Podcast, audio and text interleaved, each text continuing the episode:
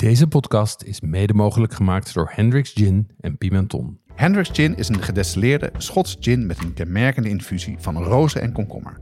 Probeer nu ook de fruitige variant Grand Cabaret. Pimenton is dé webshop voor foodies. Ze hebben meer dan duizend ingrediënten van over de hele wereld die ze snel en voordelig versturen vanuit België. Ook bij ons geldt geen 18, geen alcohol. Jeroen, waar heb jij voor het eerst een cocktail gedronken? Ja, dat hangt er een beetje vanaf wat je een cocktail noemt. Maar Nou, met, eh, met drank en zo. ja, maar in, in de jaren tachtig in Spanje dronken wij voor het eerst de vodka limon. Oftewel vodka, vodka lemon. maar dat vind ik niet echt een cocktail. Ehm, maar eh, daarna ben ik het eens, eh, zijn we bij naar Harry's Cocktailbar gegaan. Op de Spuistraat, hier vlak in de buurt. Ehm, en dat was eigenlijk de enige cocktailbar op dat moment in Amsterdam. Ehm, maar wanneer ik het echt ben gaan waarderen, is toen eh, ik en Sasha op, eh, op Hawaii waren. Waar je natuurlijk overal die tiki cocktails had. En daar heb ik toch ook echt wel een, eh, een zwak voor. Ja, tiki cocktails, zeg maar nog niks, maar dat ga je zo uitleggen allemaal. En, en ik niet alleen, dat gaan onze gasten ook uit. Oké.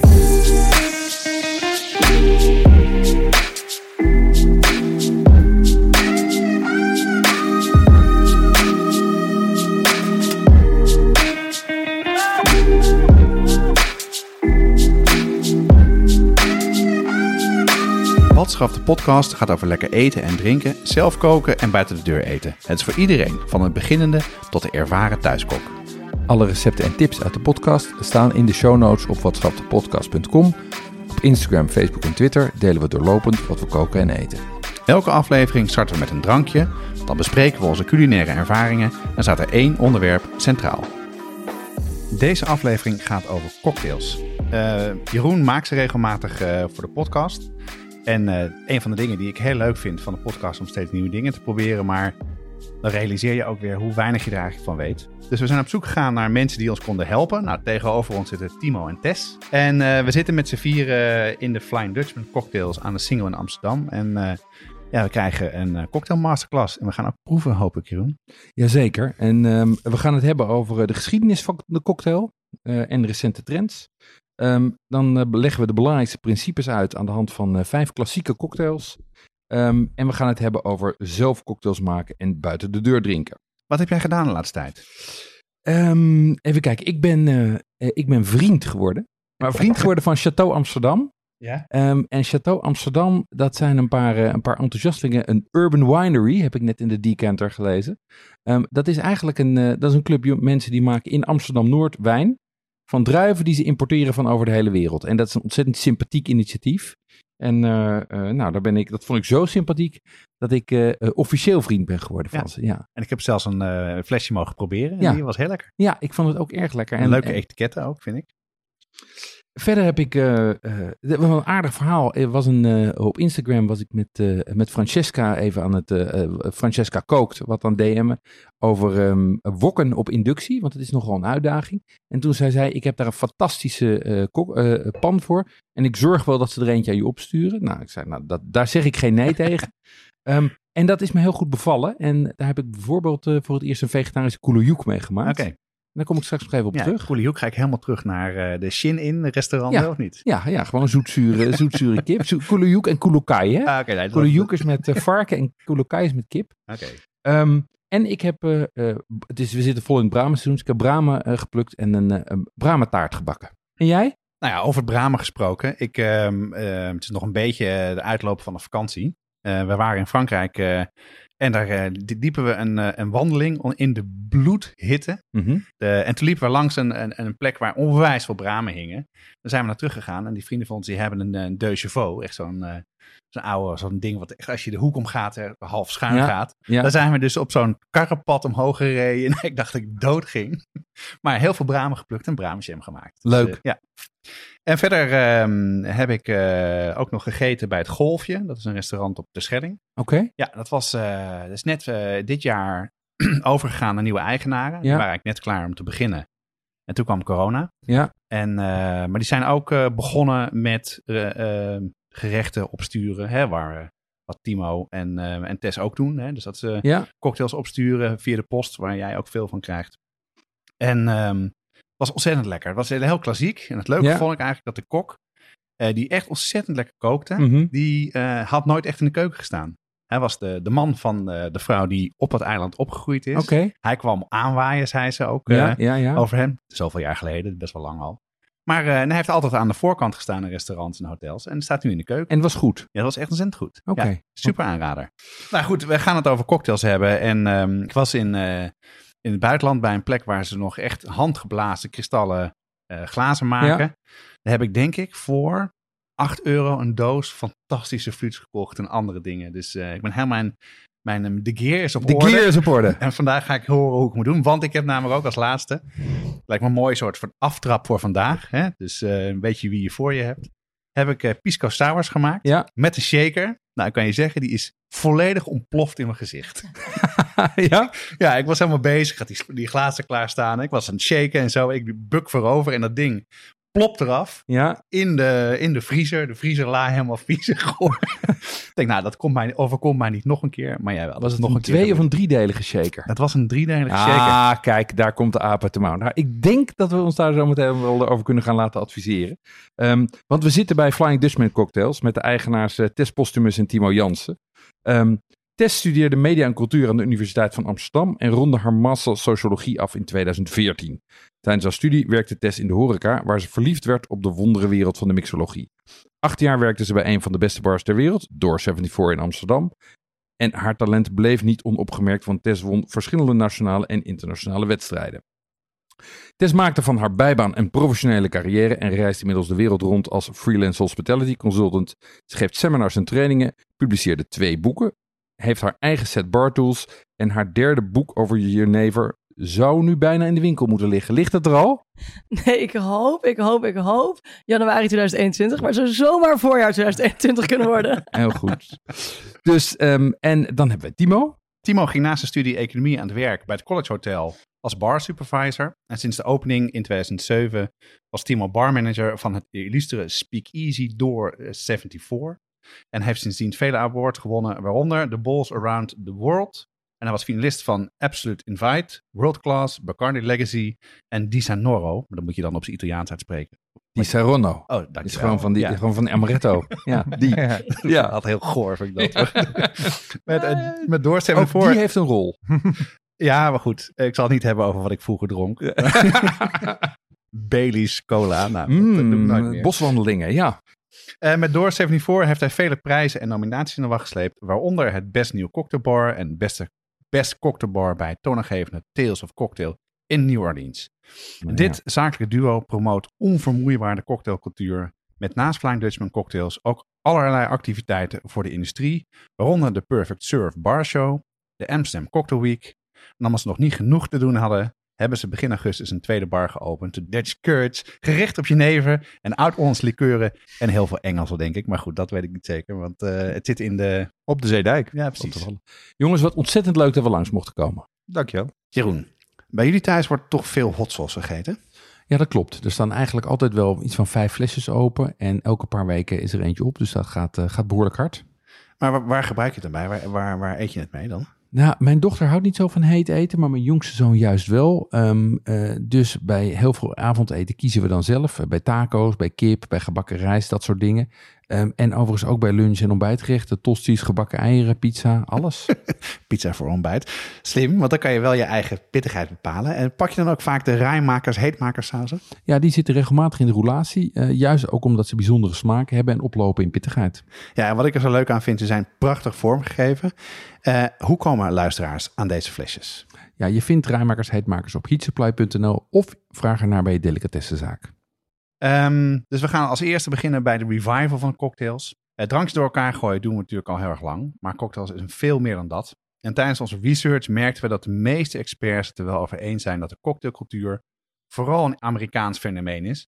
Maar dat er verschillende opvattingen zijn over wanneer de cocktailcultuur is begonnen. En eh, eigenlijk mijn vraag meteen, eh, Tess, is wat zien jullie als begin van de cocktailcultuur? Of klopt het een beetje wat we, wat we zeggen? Nou ja, het klopt zeker. Het is in mijn belevingswereld ehm, zitten we nu in de renaissance van de cocktail. de gouden eeuw van de cocktail was echt eh, nou ja, eind, eind 1800, begin 1900. Ehm, op een gegeven moment kwam er prohibition, de drooglegging in Amerika tussendoor. En vervolgens eh, ja, ging het eigenlijk een beetje bergafwaarts. Tot ongeveer 2000, 2004. Toen kreeg je weer de eerste speakeasy concept bars in, eh, in New York. Ja. Ehm, en daar gingen ze in plaats van hè, kant-en-klare, eh, nep, nep eh, zure sour mixes, gingen ze weer vers fruit en verse ingrediënten gebruiken. En ook gewoon mooie producten. Dus niet hè, de goedkoopste wodka die ze konden vinden, maar gewoon één die ze zelf ook echt goed vonden. Ja. En speakeasy Dus, voor de mensen? Ja, Heb je al een oh, paar- keer uitgelegd, maar... Ja, ik, ik vlam er overheen natuurlijk. maar niet uit hoor. Nee, een speakeasy is een, eh, is een verborgen bar. Oh ja, precies. Dat Het was komt het. een beetje uit, ehm, uit Prohibition, uit de droogleggingtijd van Amerika. Hè, alcohol was verboden, er mocht niet gedronken worden, maar er werd volgens mij eh, alleen nog maar meer gedronken. Het was ook hè, de, de tijd waarin de El Capones eh, opstonden en hè, wat ze nu allemaal smokkelen is drugs, maar toen was het drank. Ja. Toen gingen we met, met bootjes naar het open water waar, waar, het, waar het internationale vaarwater was. En daar pikten ze de vaten met, met Ierse whisky, Schotse whiskies en, eh, en wat niet, eh, pikten ze op. Ehm, gin werd in de badkuip gemaakt en dat werd allemaal verkocht in geheime barretjes. Ja, ja. En dat Ja. heette speakeasies. Vandaar. Nou, Ah. op de achtergrond horen we wat gerinkel. Eh, want Timo is nu bezig om, om een cocktail te maken.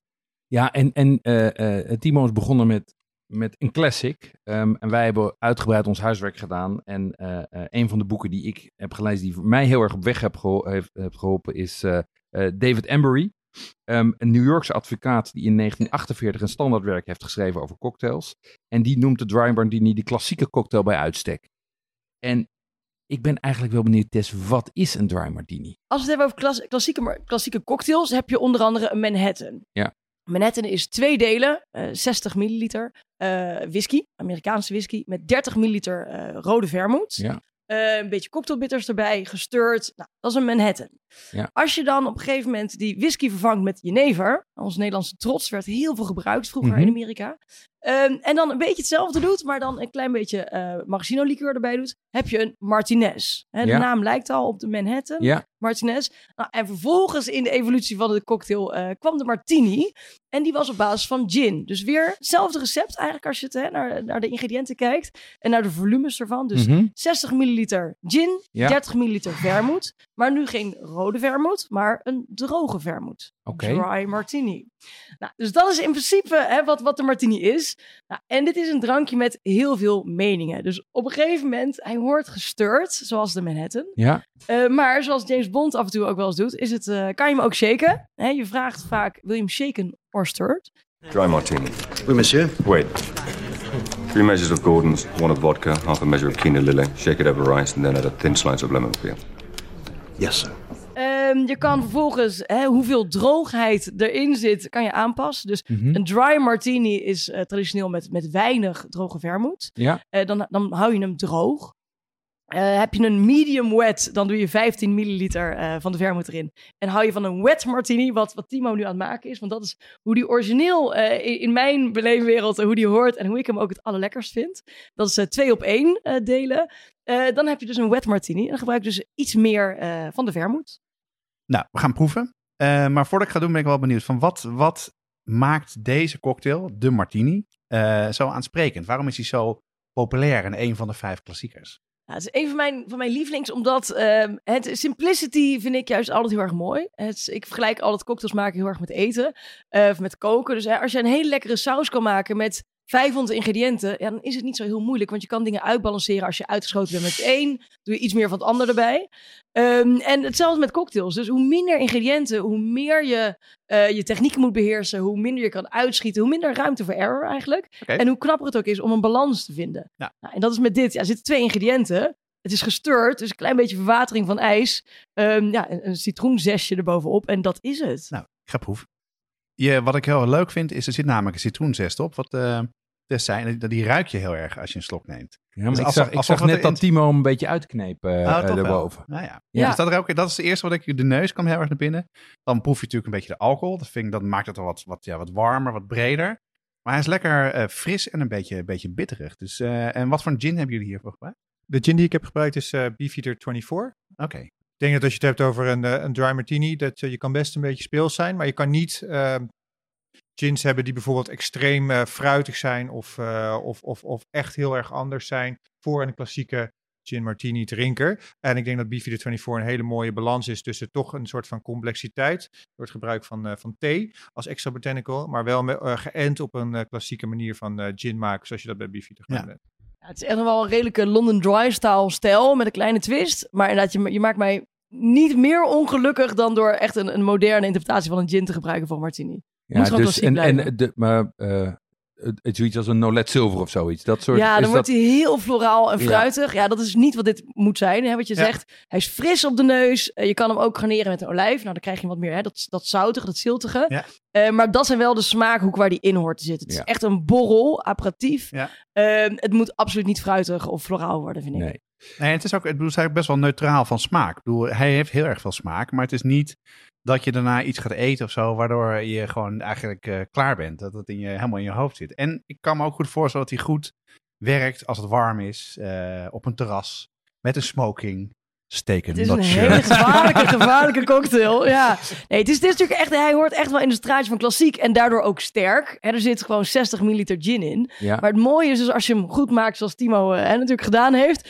ehm, ja, dan is het dus niet super heftig of dat je zo'n wegtrekker krijgt. Nee, want helemaal niet. hij is dus super zacht. Terwijl als Ja. jij normaal gewoon een slok gin neemt, Ja, dat ik, ja, dat is natuurlijk niet, niet, niet lekker. ja, dat vind ik niet te zuipen. nee, inderdaad. precies. Nee, en, maar wat ik interessant vind is, jij zegt dit is heel erg mijn eh, eh, smaak. En dat is, en je, je hoort, ik hoorde je net in de inleiding al zeggen, soms vraag je of iemand hem shaken of stirred wil hebben. Misschien vraag je ook zelfs wat voor gin. Ja. Ik kan me in een restaurant niet voorstellen dat ik tegen de chef zeg van nou, die steak op poivre, flambeer die voor mij maar met Armagnac in plaats van met cognac. Terwijl dat bij cocktails is dat heel gebruikelijk, Ja, toch? maar Nou, je je vraagt natuurlijk wel, wil je hem rare, medium rare? eh, hè? ja. Of, of hoe wil je tartaar? Wil je hem eh, een beetje hè, meer of minder tabasco erin? Of hè, je, soms mag je wel wat zeggen. Ja, en ik, ik zie het jou wel doen hoor, Jeroen. Ja. Zeker. En, en hoe leuk is het ook wel niet als je er samen ontde- op ontdekkingsreis kan gaan? Eh, eh, eh, hoe saai zou het wel niet zijn als ik eh, gewoon maar één gin zou hebben en alleen maar mijn gin martinis zou maken en niet uitgedaagd zou worden door mijn gasten om het een keer met een andere te maken op een andere manier. Het mooie van de barwereld is dat je eigenlijk dat allemaal aan het doen bent. En je bent eigenlijk met al die facetten allemaal tegelijkertijd aan het jongleren. En dat, eh, en, eh, en dat maakt het leuk dat je dat met allemaal tegelijkertijd aan het doen bent. Nu gaan we het weer hebben over de volgende, de tweede, de Whisky Sour klassieker. Die wordt op de achtergrond bereid. Jeroen had het al over het boek eh, van David Embury. Eh, en wat hij in zijn boek ook stelt, dat, die, er eigenlijk twee scholen zijn. Dat heeft Jeroen mij ooit al eerder uitgelegd.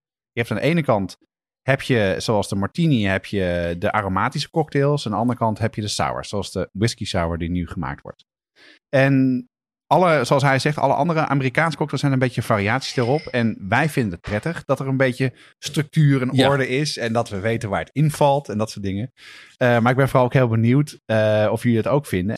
Nou, ik ben het er niet helemaal. Ik, ik bedoel, ik, ik, ik, ik ken zijn, zijn mening. Ja. maar ik ga meteen zeggen dat ik ben het daar niet mee eens. Kijk, er is natuurlijk een indeling. En als je het op deze manier ziet zoals hij het ziet, dan zie je eigenlijk gewoon een indeling gebaseerd op techniek. Is het een stir drink of is het een shaken drink?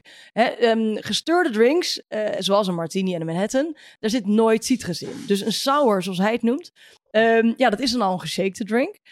Ehm, daarnaast heb je, eh, gaat het al veel, veel, veel meer terug dan wat hij eh, beschrijft. Want een sour is een receptuur, eh, is al een soort van categorie op zichzelf. Je had ook fizzes en collinses en juleps en slings en daisies. Dat waren allemaal categorieën van hè, met subrecepturen eronder hangen.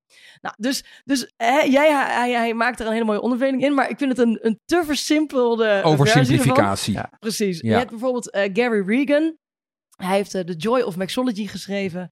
Eh, helaas is hij afgelopen jaar overleden. Maar eh, hij heeft een hele, hele mooie indeling in families ehm, van, van dranken. En ja, daar voel ik dan iets meer voor. Maar zelf ben ik een beetje meer een geschiedenisgeek. Dus ik, ik hou me toch meer bij de, ja, de originele indeling van de categorieën in. Fizzes, slings, collins, maar- cocktails. Julep. En welke zijn er dan? Is dat, zijn dat er veel? Veel het hoofd in de... Het zijn er wel redelijk veel. En natuurlijk heb je de moderne, die, die vallen dan wat meer onder ja, de sours-achtige wel. Ja. Eh, maar ja, een, een, een, een David die ver- vergeet dan inderdaad gewoon die hele voorgeschiedenis van die andere. Met hè, sodawater erin, ja of nee. Eh, dat maakt al een heel groot verschil. Ja, maar dat is natuurlijk bij David is ook wel heel, eh, laat ik zeggen, zijn toepassingsgebied voor cocktails is ook eigenlijk vooral als een aperitief. Ja. Hij ziet het als een aperitief en hij vindt dus dat het ook niet te, niet te veel smaak moet hebben. Het moet, laat ik zeggen, eh, het moet de eetlust opwekken. En het moet niet een. Hij zegt het mag ook niet te veel room in zitten, niet te veel suiker in zitten, niet te veel. eh, Dus de tikkies vallen af, Jeroen. ja, de tiki's. Ja. Dat is natuurlijk allemaal een halve, halve fruitsalade Tikkies. die je naar binnen. Tikjes vallen af, maar ook een Bloody Mary, wat toch echt wel een hele klassieker Ja. is tegenwoordig. Of een, een Moscow Mule. En dat, die vallen allemaal al af bij, bij hem. Dus Ja. ik moet er toch een kanttekening Goed. bij zetten. Het is een beetje alsof je zou zeggen van ja, eh, een gerecht, eh, er zijn maar drie stijlen in, vlees, vis en vegetarisch. Oh ja. Ik bedoel, ik denk dat als je het op die Ja. manier bekijkt, kun je zeggen ja, dat kun je zeggen. Ja. Hè? Maar als je een beetje verder kijkt, dan is dat natuurlijk, dan doe je eigenlijk wel, dan, dan schaar je wel een hele hoop onder dezelfde noemer bij elkaar. En waar ga je dan heen met de surf? Ja, en waar ga je met de surf and turf naartoe? Ja. Bijvoorbeeld. Ja. De Ja. samengestelde dingen. Nou, en dat is dus Of- ook of- een voorbeeld van met soda of een, of een highball. Of er, zijn, er zijn zoveel uitzonderingen op een gegeven moment op, op die indeling te vinden. En dat zie je wel vaker bij de bartending. Is namelijk eh, een van de eerste dingen. eh Tess haalt net Gary Regan aan. En een van de dingen die hij als eerste opmerkt in zijn boek. Is zegt van de, de, de golden rule of bartending is nothing is written in stone. Alle regels die er zijn, zijn eigenlijk gemaakt om, mits dat je er een goede reden voor hebt, gebroken te worden. Oké. Ja, maar dat is wel een punt, want er staat nu een, een nieuw drankje op tafel. Dus ik, ik wil, hoor zo graag wat je, hoe je hem gemaakt hebt, eh, Timo. maar een van de doelen van, van deze aflevering is om die wereld van cocktails toegankelijk te maken. En als ik even mezelf als voorbeeld neem, hè, de man die pisco saus maakt, dat weet ik dan al wel, dat heeft Jeroen een keer voor me gemaakt, laat ontploffen. Eh, ik heb hier ook wel eens een keer gedronken, kreeg ik de kaart. En dan dacht ik, ja, ik ken dan gin tonics en ik ken een aantal andere. Dus is er iets, een soort van structuur of indeling die kan helpen als mensen voor het eerst een cocktail drinken? Los Ja. van de vijf klassieken die we nu vandaag gaan behandelen. Ja, nou, tip 1 is eh, vraag de bartender. Want die weet precies eh, wat wel en niet en ook hoe de menukaart is samengesteld. Eh, bij ons, bij Flying Dutchman, hebben we heel mooi ingedeeld in hè, zoet, zuur, fris of sterk. Dus dat ja. geeft je altijd meer houvast. Ja, en dan wil ik toch schaamteloos mijn boek pluggen. Natuurlijk. Masterclass eh, cocktails. Want daar staat het ook heel veel in uitgelegd van, oké, wat dan wel? Ja, oké, Ja. precies. Ja. Dus Ja. koop gewoon jouw boek, dan ben je klaar. Ja, zeker. dan kunnen we beginnen, kunnen we beginnen. Ja, heel goed. Ehm, hey, maar even terug, hè, want we hebben, dit is een, eh, dit is een, een sour, ehm, eh, eh, een whisky sour. Eh, hoe is die gemaakt? Deze whisky sour is eh, gemaakt met eh, Buffalo Trace eh, bourbon, vers eiwit, citroensap, suikerwater, geshaked en angostura bitters. geshaked en daarna met, met ijs en daarna nog een keer geshaked om ja, een emulsification een beetje dus de, de schuim krijgt erop te krijgen. En ehm, ja, en, en uitgeschonken. Dus, eh, zo- Nou, wat ik voor me heb, ik, ga, ik mag weer proeven. Eh, mijn favoriete bezigheid. Nou, ik ga iets zeggen, hier gaan we allemaal uitlachen. Of in ieder geval de deur uitgooien. Het lijkt een beetje op een biertje. Dat is die schuimkraag. dat is schuimkraag, Het is ja. gelig. Het is gelig. Eh, er zit een, eh een sinaasappelschil. sinaasappelschil bij. En eh, nou, ik ga proeven. En deze is dus geschud omdat er citrus in zit. Ja, en vooral ook omdat het eiwit erin zit. Dus eiwit, Oh, ja. hè, dat kennen we natuurlijk van, van taarten ook en van de patisserie. Als je dat opklopt, dan krijg je mooie schuimpieken. Ja. Nou, dat kan je natuurlijk ook met shaken doen. Dus je krijgt een heel mooi romig mondgevoel zonder dat er room in zit. Dus hij blijft luchtig en fris, maar je hebt wel een beetje dat lekkere romige mondgevoel. Hey, en wat is dat, ehm, dat rokerige wat ik, ehm, wat ik proef? Proef ik dat? Klopt dat een beetje? Ik denk dat het eerder de, de bourbon is. En ik zou dat niet willen definiëren als iets, als iets rokerigs. Want Een bourbon is, is per definitie niet eh, gerookt. Maar ik denk eerder de moutigheid, zeg maar. dus de, rijping. Hè, bijvoorbeeld hetzelfde als dat je bijvoorbeeld sommige mensen zouden zeggen dat een, eh, een Tennessee whisky zo à la een, een Jack Daniels, dat het ook een soort van rokerige toon heeft. En dat komt dan eigenlijk eerder door de moutigheid en de graden. Nee. Die kunnen soms een beetje, en de rijping, die kunnen soms een beetje, ja, nou ja, het is whisky, dus een beetje die, die tonen. En die komen voor sommige mensen een beetje rokerig Nee, over. Want ik ken hem, ik bedoel, ik heb deze wel eens vroeger gedronken, whisky sours. En dat was hij heel zuur, moet ik eerlijk zeggen. Vond ik eigenlijk niet zo heel erg lekker. Maar deze vind ik heel erg lekker. Want wat Tess al aangeeft, er zit een soort van witte schuimkraag op. Die proef je ook, die voel je ook in je mond. Ehm, en hij is fris, maar hij is niet, ja, wat ik met whisky vaak heb, super scherp. Dus vandaar dat ik misschien een beetje bedoelde dat hij Ja. wat rokerig is. Ja, Eh, donkere smaken. Dat, is misschien beter, zeker. Ja. Ja. Nee, en het is de bedoeling hè, met een, een, een lekkere whisky sour. Je hebt dus dat romige van het eiwit. En bovenop zit een, hè, een zest van sinaasappel. Die oliën van die zest die blijven mooi bovenop liggen. Dus daarom ruik je het ei ook niet. En blijft die lekker, lekker fris ruiken. dat klopt, en ja. vervolgens als je een slokje neemt, dan krijg je inderdaad die donkere tonen van die whisky. Ja. Dus dat maakt hem mooi en complex. Wat Ja. vind jij daarvan, Jeroen? Jeroen neemt ook even Ja, een ik vind hem erg lekker. Ik vind hem, ik vind hem ook verrassend gebalanceerd in de zin dat hij, hij, hij hoewel hij een zoetje heeft, blijft hij wel droog, zeg maar. Het is niet, Ja, ja. hij slaat niet door naar de zoete kant. En dat is, dat heb ik met veel sours vaak wel, dat ze toch te veel, dat ze veel te zoet worden. Ehm, dat, bedoel, dat gaat bij de margarita's gaat dat mis, bij de caipirinha. Zijn dat eigenlijk ook sours? Margarita's, caipirinha's, mojito's? Nee, nee, een sour is echt, ehm, nou ja, het is heel, heel makkelijk eigenlijk eh, uit te leggen. Een sour is 60 milliliter van een spirit, en van een sterke drank, 30 milliliter van citroensap, 15 milliliter eh, suikersiroop, Mm. eh, een dash van, eh, van een cocktailbitter. Nou, normaal gesproken gebruik je dan Angostura bitters. Ja, Eh, en een eiwitje, that's it. Ja. Dus als jij, ehm, hè, je kan een whisky sour maken, nou dan is de spirit 60 milliliter whisky. ja. Maak je een gin sour of een rum sour, dan gebruik je hè, 6 milliliter rum. Eh, gebruik je, bijvoorbeeld maak je een amaretto sour, hè, die Serrano eh, base bijvoorbeeld. Nou, dan, dan heb je liqueur als basis. Dus dan mag je een klein beetje zoemelen met je suikersiroop, want die Ja. suiker Ja, zit al in die liqueur. Ja. Dus dan gebruik ik 5 milliliter suikersiroop. Maar voor de rest is het gewoon, ja, written in stone toch wel. 60, 30, 15 en een dash en een eiwitje. Ja. En maak het dan ook... Sorry, wat wil je zeggen, Timo? Geen eiwit, geen sour. Punt. Ja, ja. Druk dat op een t-shirt. Geen eiwit, geen sour. Klopt. Sorry, vegans. ja, dat is een goede vraag. Kan, dat, kan, je, dat, kan je het met aquafaba of kan je het, of Ja. met... eh, kan je nee, het, het, het kan. Het kan, Kan je het Eh, eh, faken? Schuim schuim. schuim. Nee, Maar het is, het is natuurlijk wel eh, eh, een deel van de charme, denk ik ook. In, de, in de, hè, wat we nu dan zeggen, de, de nieuwe gouden eeuw van de bartending, is dat we weer kijken naar verse producten. Ja. Eh, een van de producten die ook heel populair in, in Nederland was, was een soort van miracle foamer, waarbij je dus... Ja, die had ik zo'n knijpflesje. Frotté, hè? Ja. Ja, ja, ja, ja, ja, ja, Nederlands, Nederlands product. Was frotté. En dat was een soort van mystery ingredient, zoals sweet and sour mix, dat er in één Ja. keer een schuimkraag op iets, op iets kwam en je wist niet precies wat erin zat. Ehm, hè, en maar ja, nu dat we dus echt kijken naar hè, echte producten, dat we willen weten hoe iets wordt gemaakt. Nou, dan eigenlijk daardoor is ook weer dat verse eiwit erin in teruggekomen. En het komt van Timo en Timo is vegan. Dus het feit dat hij zegt, het moet een ei hebben, nou dat zegt wel genoeg.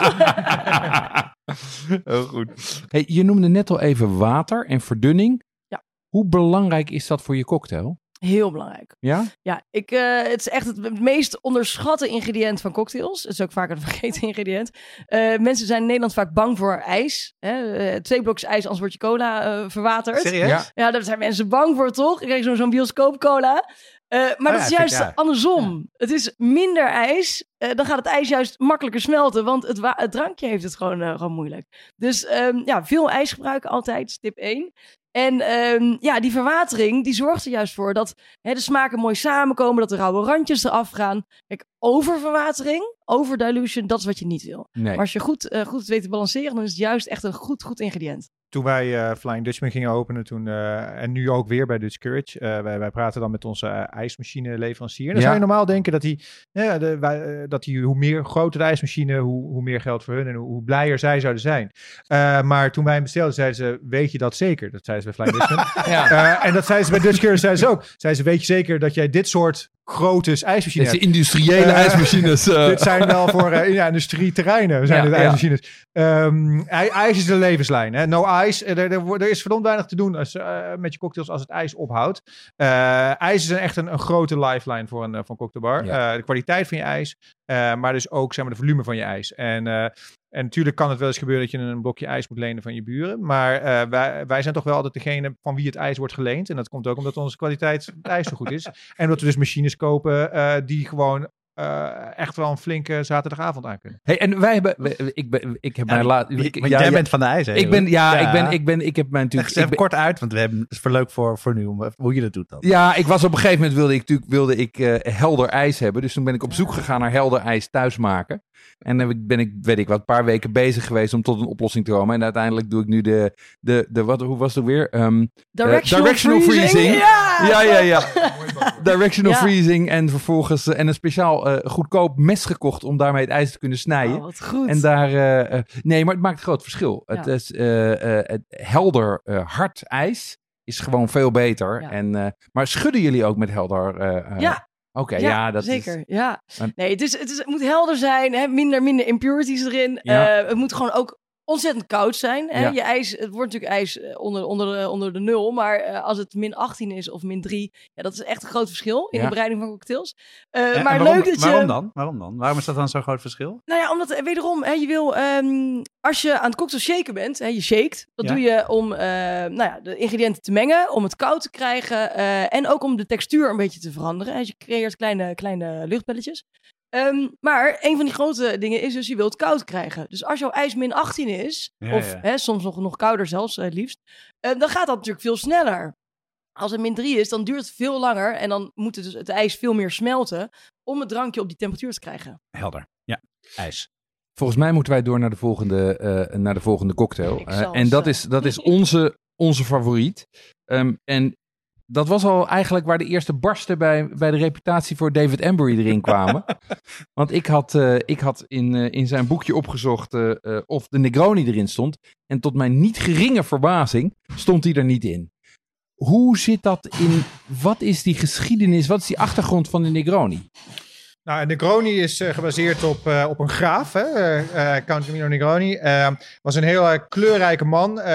Onder andere is hij op, ehm, eh, naar Amerika geweest, is hij rodeo cowboy geweest. Dit, is, dit was echt een hele markante persoonlijkheid. Ja. Hè, dus echt een, een count in de, in de brede zin van het woord. Een hele flamboyante, genieten van het leven. Maar wel allemaal in, in Milaan, in Italië. Dus een hele. Italiaanse eh ronde cocktail, maar wel met een, een mondiaal elan. En. Eh, Ouderwetse hij- aristocraat, zeg maar. ja, en, en eh, hij, eh, nou ja, je had de, de Americano en ja, die was dan dus weer gebaseerd eigenlijk op de Amerikanen die de, Ja. die de Italianen te zien Wat kregen. is een Americano? Nou, dat is eigenlijk dus met, met sodawater en dan met, met rode vermoed en Campari. Ja.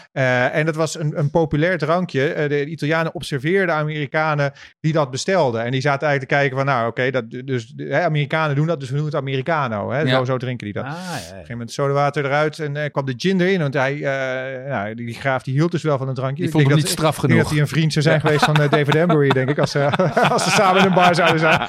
Hè, die, ja, die vond het niet straf genoeg. Die namen dat serieuzer. En, eh, en eh, de Negroni was geboren. Nou, het is natuurlijk fantastisch als je als, eh, ik denk als persoon, als je op een gegeven moment een drankje ja, uiteindelijk wereldberoemd kan maken. Maar je ziet dus al wel de verandering dat hè, in een vrij Amerikaanse eh, onderwerp, namelijk de cocktail, dat op een gegeven moment een soort van, nou, ik zou niet willen zeggen contracultuur, maar dat op een gegeven moment een cocktail uit een ander plek eh, bekend wordt die weer geïnspireerd is op de cultuur die oorspronkelijk Amerikaans is. Ja. Hetzelfde, we haalden net de Pisco Sour aan. Het is natuurlijk ook een cocktail die hè, eh, eh, door Amerikanen, door een Amerikaanse bar-eigenaar, populair werd in Peru en Chili. Hè, en toen vervolgens weer weg weer terugvond naar Amerika. Maar hetzelfde met de, met de Negroni. Die is dus eigenlijk weer van Italië, hè, dus geïnspireerd door het mixen vanuit Amerika. Dat is toen aangepast en dat is toen weer terug geëxporteerd naar Amerika. Naar Amerika. Ja, ja, ja. Dus dat het. Nou goed, ik ben heel benieuwd. Ik mag, eh, mag ik weer als eerste proefje doen? mag jij als eerste. Dat is zeker weten. Laat ik zo zeggen, ik kende Negroni echt helemaal niet. Tot wij dus een jaar geleden begonnen met de podcast. En Jeroen dat voor mij gemaakt had. Je had het toen met koffie gemaakt, hè? Had je de vermoed ko- met koffie in koffie geweest? Ja, een paar koffiebonen in de vermoed gegooid. Ja. Ja, dus eh, in het begin dacht ik, jee, was dat bitter? En ik merk eh, dat als je dat vaker drinkt, dat die, dat die bitterheid, dat je daar veel meer smaak in proeft. Dat heb je ook al een paar keer gezegd. Ik vind het een levensgevaarlijk drankje, als ik heel eerlijk ben. We, ik begin er nu wel achter te komen. Het maakt, zeker bij die simpelere cocktails, verhouding maakt uit, verdunning maakt uit. Maar ook de keuzes voor de spirits die je erin stopt, zijn Ja. heel veel bepalend. Dat merk ik ook met die, met die Negroni. Wat heb je hierin gestopt, Tess, en waarom? Ehm nou, een Negroni is gin, rode vermoed en Campari. Dus Ja. Campari zit erin. Je kan natuurlijk andere Italiaanse ehm, bitters gebruiken. Alleen, ja, origineel hoort hij met Campari. En ik vind dat er nog steeds geen goed alternatief is eh, dan Campari. Dus die gebruiken we. Eh, rode vermoed. ehm, ik heb vandaag eh, Carpano Antica Formula gebruikt. Dat is een beetje een vermoed die wat bitter van zichzelf heeft. Maar dat kan de gin wel aan. En de gin is Tanqueray 10. En heb je nou een wat zachtere gin, dan zou ik zeggen gebruik dan een Dolin eh, Red of hè, een andere vermoed die iets, iets, iets lichter is. Maar ehm, ja, in deze, deze combinatie heb ik een beetje voor een, eh, een, een spierballen Negroni gekozen. Ja, dat proef ik. Hij is heel lekker, ja. Hij is bitter, bedoel Hij is, ja, voor, mijn, voor, onze, voor, onze, voor ons palet is hij bitter, maar ik Ja. vind hem wel lekker. Maar bit- niet bitter als overheersend bitter. In de zin van, je Nee. kan wel de rest proeven, vind ik erin. Dat, eh, Ja, en dus een, ehm, eh, de, je vermoed is dan is, is heel belangrijk in je, in je smaak. Want Campari is eigenlijk gegeven. Ja, je vermoed en je, en je gins, die moet je samen mooi op elkaar aanpassen. Ehm, kijk, je kan natuurlijk met allemaal hele moderne gins eh, een Negroni maken. Dat kan zeker. Alleen in dit geval heb ik, eh Tanqueray 10 heeft een beetje grapefruit in zich. Nou, dat werkt weer heel mooi met de bitterheid van die, eh, van die Campari. ja, ja. Dus ik vind dat wel een lekkere combinatie. Maar je kan hem ook veel kruidiger doen. Zeker als jij eh, hè, koffiebonen in je vermoed doet. Ja, dan kan je bijvoorbeeld ook een, een Bobby's gin gebruiken. Die wat meer ehm, kruidnagel, kaneel heeft. Dus hè, je kan daar natuurlijk een hele mooie samenwerking in Ja. vinden. Ah, een van de dingen wat mooi is bij een Negroni is ook juist hè, eh, als je thuis aan de slag gaat. En vandaar dat hij ook, deze is ook gestuurd in het glas. Eh, eh, deze cocktail kan een hoop hebben. Het is een robuuste cocktail, net zoals de Vieux Carré hè, en, en, de pakketten die we hebben gezien. Ehm, is dat dit een cocktail is waar je gewoon heel leuk mee kan spelen. Het is echt een, een cocktail waarbij een hoop is goed. er is weinig fout. Als je, als je even vasthoudt van het beginpunt met gelijke delen. Mocht je nou vinden van nou, hè, oh oké, ik, ik, ik kan dat hele bittere nog niet aan. Of, of ik wil misschien even wat minder hebben. Nou, speel dan een beetje met de, met de verhoudingen. Kan de cocktail ook goed hebben. Beetje spelen met de gin kan de cocktail ook goed hebben. Trek een bepaalde kant op. Ehm, het, het luistert niet zo nauw. Eh, dus er is een hele hoop eh, lol mee te, mee te beleven Ja. eigenlijk wat dat betreft. Dus pak ook een beetje, vooral willen kijken, eh, iedereen aan. Pak, pak een beetje wat je in je kast hebt staan. Probeer wat dingen uit en, en ontdek. En dat is zeker van toepassing op deze cocktail, vind ik. Ja, en inhakend ook op inderdaad, ga zelf lekker spelen thuis. Ehm, hè, dit is een cocktail die je heel makkelijk thuis kan maken. Dus heb je nou geen jigger, zo'n maatbekertje thuis. eh, het zijn gelijke delen, dus gebruik dan of een shotglaasje of zet een streepje op een glas. En, hè, dus als je maar die vermoed, Campari en gin eh, gelijke delen doet. En je hebt het over zo'n shotgla of zo'n eh, zo'n maatbekertje. Die, die heb ik ook. Jigger, zei ze. Ja, is het Jonas. Jigger. Jigger. Ja, Zo'n eh, diabolo-vormig maatbekertje. Als je een maatbeker namelijk googelt, krijg je nooit het nummer die afbeelding. Nee? Jigger. Oh, dat is waar, ja, natuurlijk. ja. Jigger, ja. hey, maar ik bedoel, ehm, eh, nou, ik word hieruit gegooid.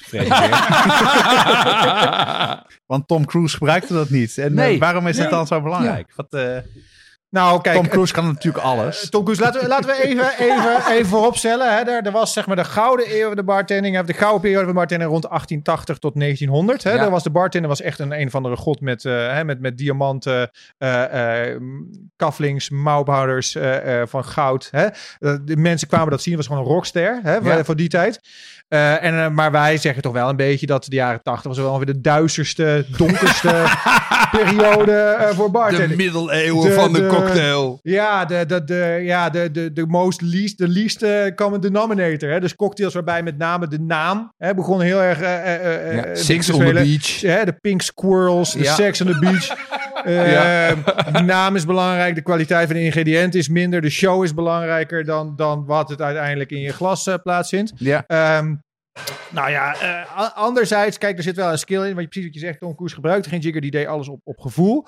Ehm, het, hè, dus op, met het tellen, met een, met een schenktuitje, dat je dus hè, de, de, de vloeistof eigenlijk bekijkt, eruit stromend. En op aanname van hoe snel het eruit stroomt, dat je daar dus eigenlijk een soort van in je hoofd bij telt hoeveel Ja, ja, ja. ml het is.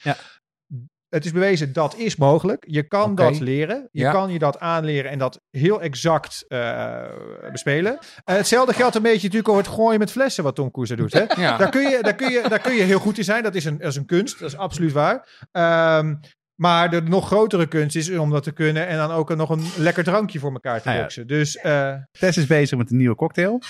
Hey, nou, jij begon er al mee, Jeroen. Dat is de, de, de vierde klassieker waar we het over gaan hebben. En dat is de? Ja, de tiki cocktails. En eh, daar, daar, daar, daar heb ik een zwak voor. Dat is zeg maar. Dat is het archetype cocktail met het parapluutje en, het, en, het, eh, eh, en, en de halve ananas erin en de zeven kleuren. En dat is in ieder geval veel, cocktails zitten, veel tiki cocktails zitten in die hoek. zomer in een glas. Zomer in een glas. Ja, Ehm, we, we maken nu een, een, een Mai Tai. Ehm, we, we, we bakken natuurlijk, we hebben het over klassiekers hier. Dus we pakken Ja. klassieke tiki cocktail bij. Tiki is vrij breed onderwerp. ja, Ehm, maar we gaan nu wel, eh, we pakken dus een Mai Tai erbij. Een van de meest, eh, ja, quintessential, eh, de meest klassieke tiki cocktails. Ja. En een van de meest die het meest bekend nog steeds is. Ehm, en ja, die laat ook meteen een beetje zien waar, waar, ja, waar tiki toch wel een beetje om draait. wa- wat, waar draait tiki om? Nou, Tiki draait om het idee dat je getransporteerd wordt naar paradijselijke orde.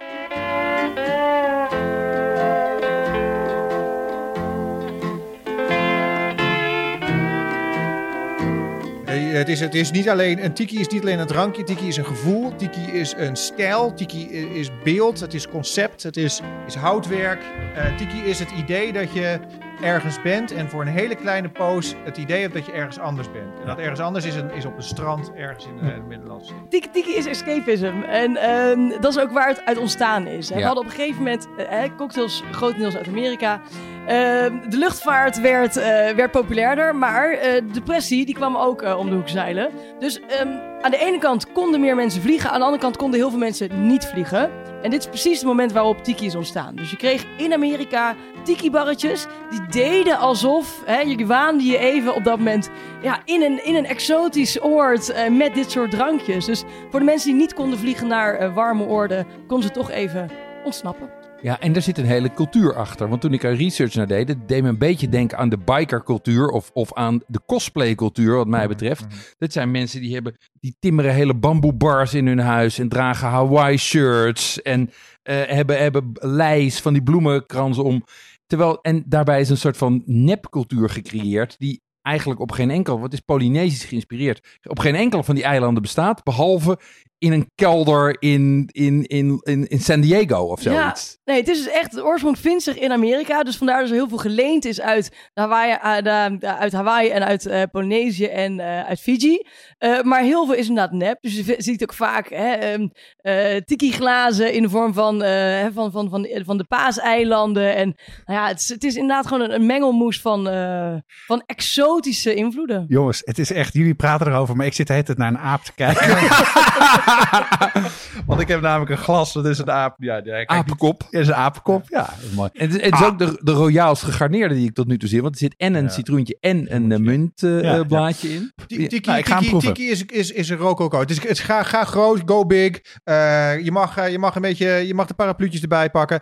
Ehm, en, en precies ook al wat je al zegt, als jij je bezig gaat met de tiki cultuur, hè, wat je vaak ook ziet, is dat je gewoon een, een, een alter ego aanneemt. Hè? Dus je bent niet meer Jeroen. Andere naam. Eh, je bent niet Ja, Jeroen. wie ben ik nu dan? Je bent, eh, ja, ja, je, je bent... Juan.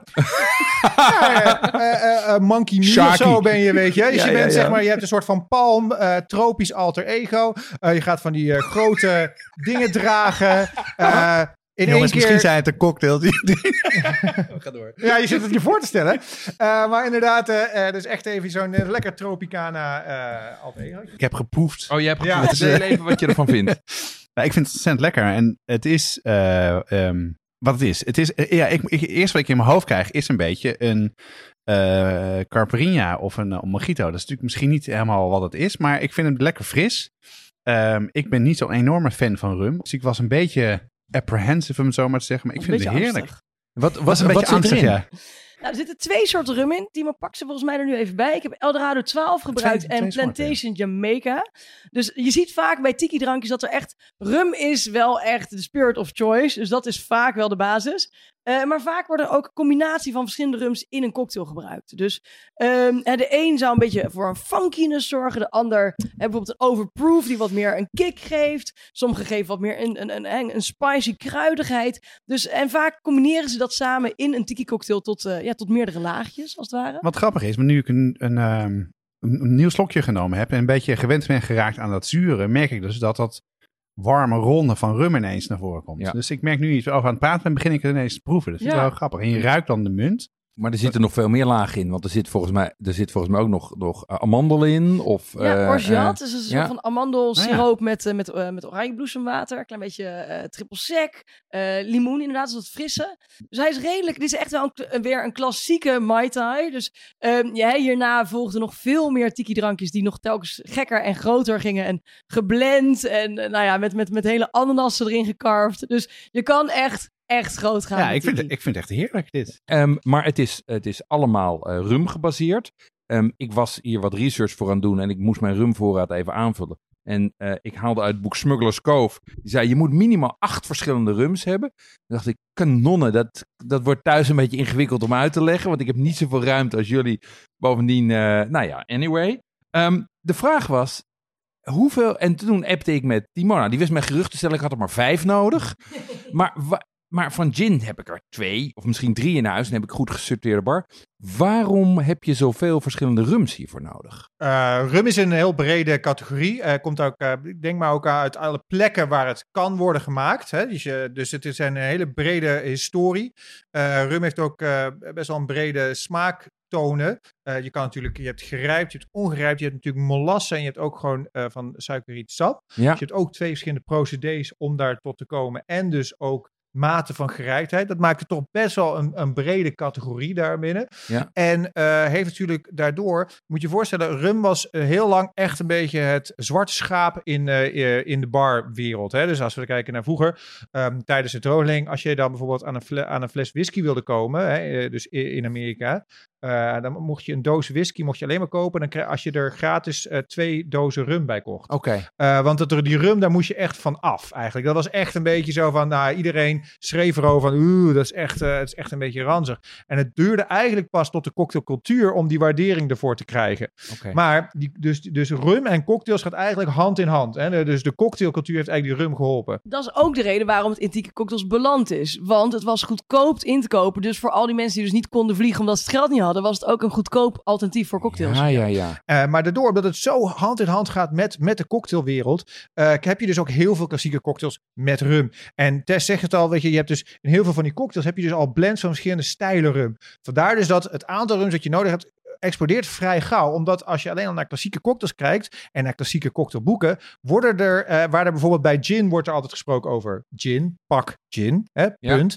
Eh, en bij rums, ook in de oudste boeken, wordt er al gesproken over eh, die stijl rum. Of er wordt er al over drie verschillende stijlen rum gebroken in één boek. Nou, dan heb je het al over de oudste boeken. Dan, dat is alleen maar meer geworden. Ehm, en dus daardoor om hem goed gestokt te hebben en om in de staat te zijn om die tiki cocktails te maken. Dus je, je Maita, je zombie, hè, dat soort drankjes. Hè. Ja, ja, dit- ja, dat is allemaal heel speels. Hè. Dat is allemaal, eh, maar die, om dat soort cocktails te kunnen maken, heb je dus al wel een paar eh, wat rums nodig. Ehm, er is sinds begin deze eeuw in, in Amerika en de VS is een soort van opleving van, van, eh, van cocktails. Eh, de afgelopen tien jaar is er ook eh, qua cultuur ineens. We hebben het ineens over mix, mixo, ja, kan uit- Mixology. Dankjewel Jeroen. Het zouden de, de, de verschillende cocktails wel zijn. En eh, we hebben nu verschillende cocktailbars en speakeasies. Hè, dus de geheime bars zoals eh Door 75 en Dr. Door ze niet voor. Ja. Sorry, Door eh, 74. Ernaast. ja, dat gaat niet goed jongens. Je moet geen eh, podcast over cocktails opnemen. En dan hebben we dus ook Dokter in, eh, in Rotterdam, eh, waar Gijsbrecht het over had. Hadden, helaas. Hadden. Oh, hadden? Oh, Ja, serieus? het is een van de, van de corona casualties op het moment al. Ja, Ah, dat is ja echt heel jammer. erg jammer. Waar, waar, komt die, waar komt die renaissance vandaan? Ehm, de renaissance van de cocktail komt eh, voort uit ook de renaissance van het denken over eten. Dus Ja. hè, in de jaren 70, 80 eh, dachten ze dat eh, de toekomst lag in de magnetron en in pakjes. Eh, nou ja, het is zo, Ja. hè? De magie mix en alles. En, Chicken ehm, Tonight. Chicken Tonight, alles, alles zo makkelijk mogelijk. Nou, en uiteindelijk zijn mensen weer lekker zelf gaan koken. En willen we weten waar het vandaan komt. Hoe het, hè, hoe het het best te behandelen is. En eh, nou, het moet ook lekker zijn. En uiteindelijk, als je dan nadenkt van... Hè, wat ligt er op mijn, op mijn bord? Uiteindelijk ga je ook nadenken, wat staat er dan naast? En waarom drink ik daar altijd of hè, een wijntje bij... of eh, op het terras een, een, naamloos pilsje? Eh, dat kan natuurlijk veel, veel bewuster. En Ja. nou, als je dan gaat nadenken over... oké, als ik drink, wat natuurlijk niet gezond is... dan moet het ook goed en lekker zijn. Ja, dan kom je uiteindelijk gewoon uit bij cocktails... omdat dat eh, te personaliseren is. Ja. Ja. ja, goed. We hebben altijd een beetje de uitspraak minder maar beter. Ja. Ja, En dat past daar heel goed bij, ja. Ja, Dus die, die revival is heel erg, maar daar, is- daar hoort ook echt eh, in- innovatie bij. Hè? Ja. Dus eh, zijn er dingen voorgekomen die bij El Bulli gebeurden. Weet je, eh, stikstof. ja, dat soort zaken. Rotofax. Hoe kijk je daar tegenaan? Is dat nou heel erg nodig? Speelt dat hier überhaupt? Ja. Eh, het speelt, zeker. Ehm, ik vind het altijd een beetje moeilijk, omdat in Nederland hebben we een hele jonge cocktailcultuur. Hè, het is hier sinds de, de heropkomst is het echt aan de hand. We hebben hier nu echt ontzettend veel mooie bars die eh, goede cocktails weten te maken.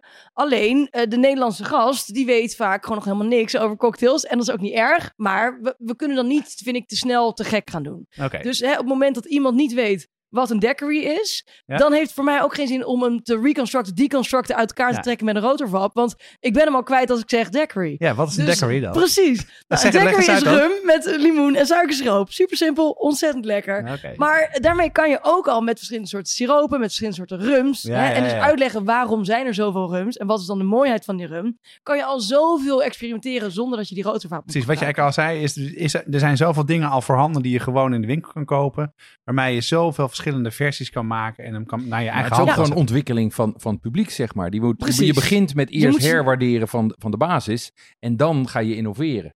Ja, dus één, aan de ene kant, hè, er moet een vraag zijn en dus ook een waardering voor zijn. En twee, het is ook echt een vak apart distilleren. Dus ik vind het ook een beetje, ehm, ja, eh, om te denken dat je dat zelf zomaar even in één keer beter kan dan iemand die dat al zijn leven doet, vind ik ook een beetje brutaal. Ik denk dat het ook heel erg aansluit op, op het vorige onderwerp. Kijk, als je kijkt naar Tiki, hè, dat, kun Ja. je, eh, dat is een onderwerp. Hè. Moleculair is bijvoorbeeld een onderwerp. Als je dus daar diep in gaat. eh beide kun je eh, je hele zaak omheen bouwen eigenlijk. Mhm. En bij beide gevallen is het ook eigenlijk een beetje zo dat zeg maar, dat kun je goed doen of dat kun je slecht doen.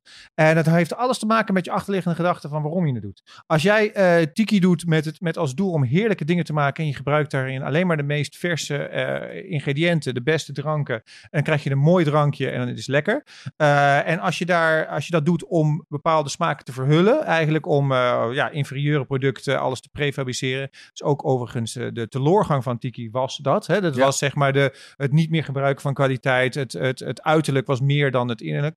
Nou ja, bij moleculair geldt een beetje hetzelfde. Als je dat on- met, op een, met een goede basis doet, hè, met een met respect voor de ingrediënten doet, en je maakt het niet eh showboat gedrag, dan kun je daar hele mooie dingen mee doen. Eh, maar het is een, een, eh, de basis moet erin liggen, eh, respect voor de ingrediënten en voor je gasten, en het, het leveren van kwaliteit. Niet Ja. alleen maar dingen die Instagrammable zijn, bijvoorbeeld. Grappig hè? Dat is toch echt gewoon, gewoon de basis van koken ook. Ja, maar het gaat heel erg, het gaat heel erg gelijk, gelijk op met elkaar. Ja. ja, ja.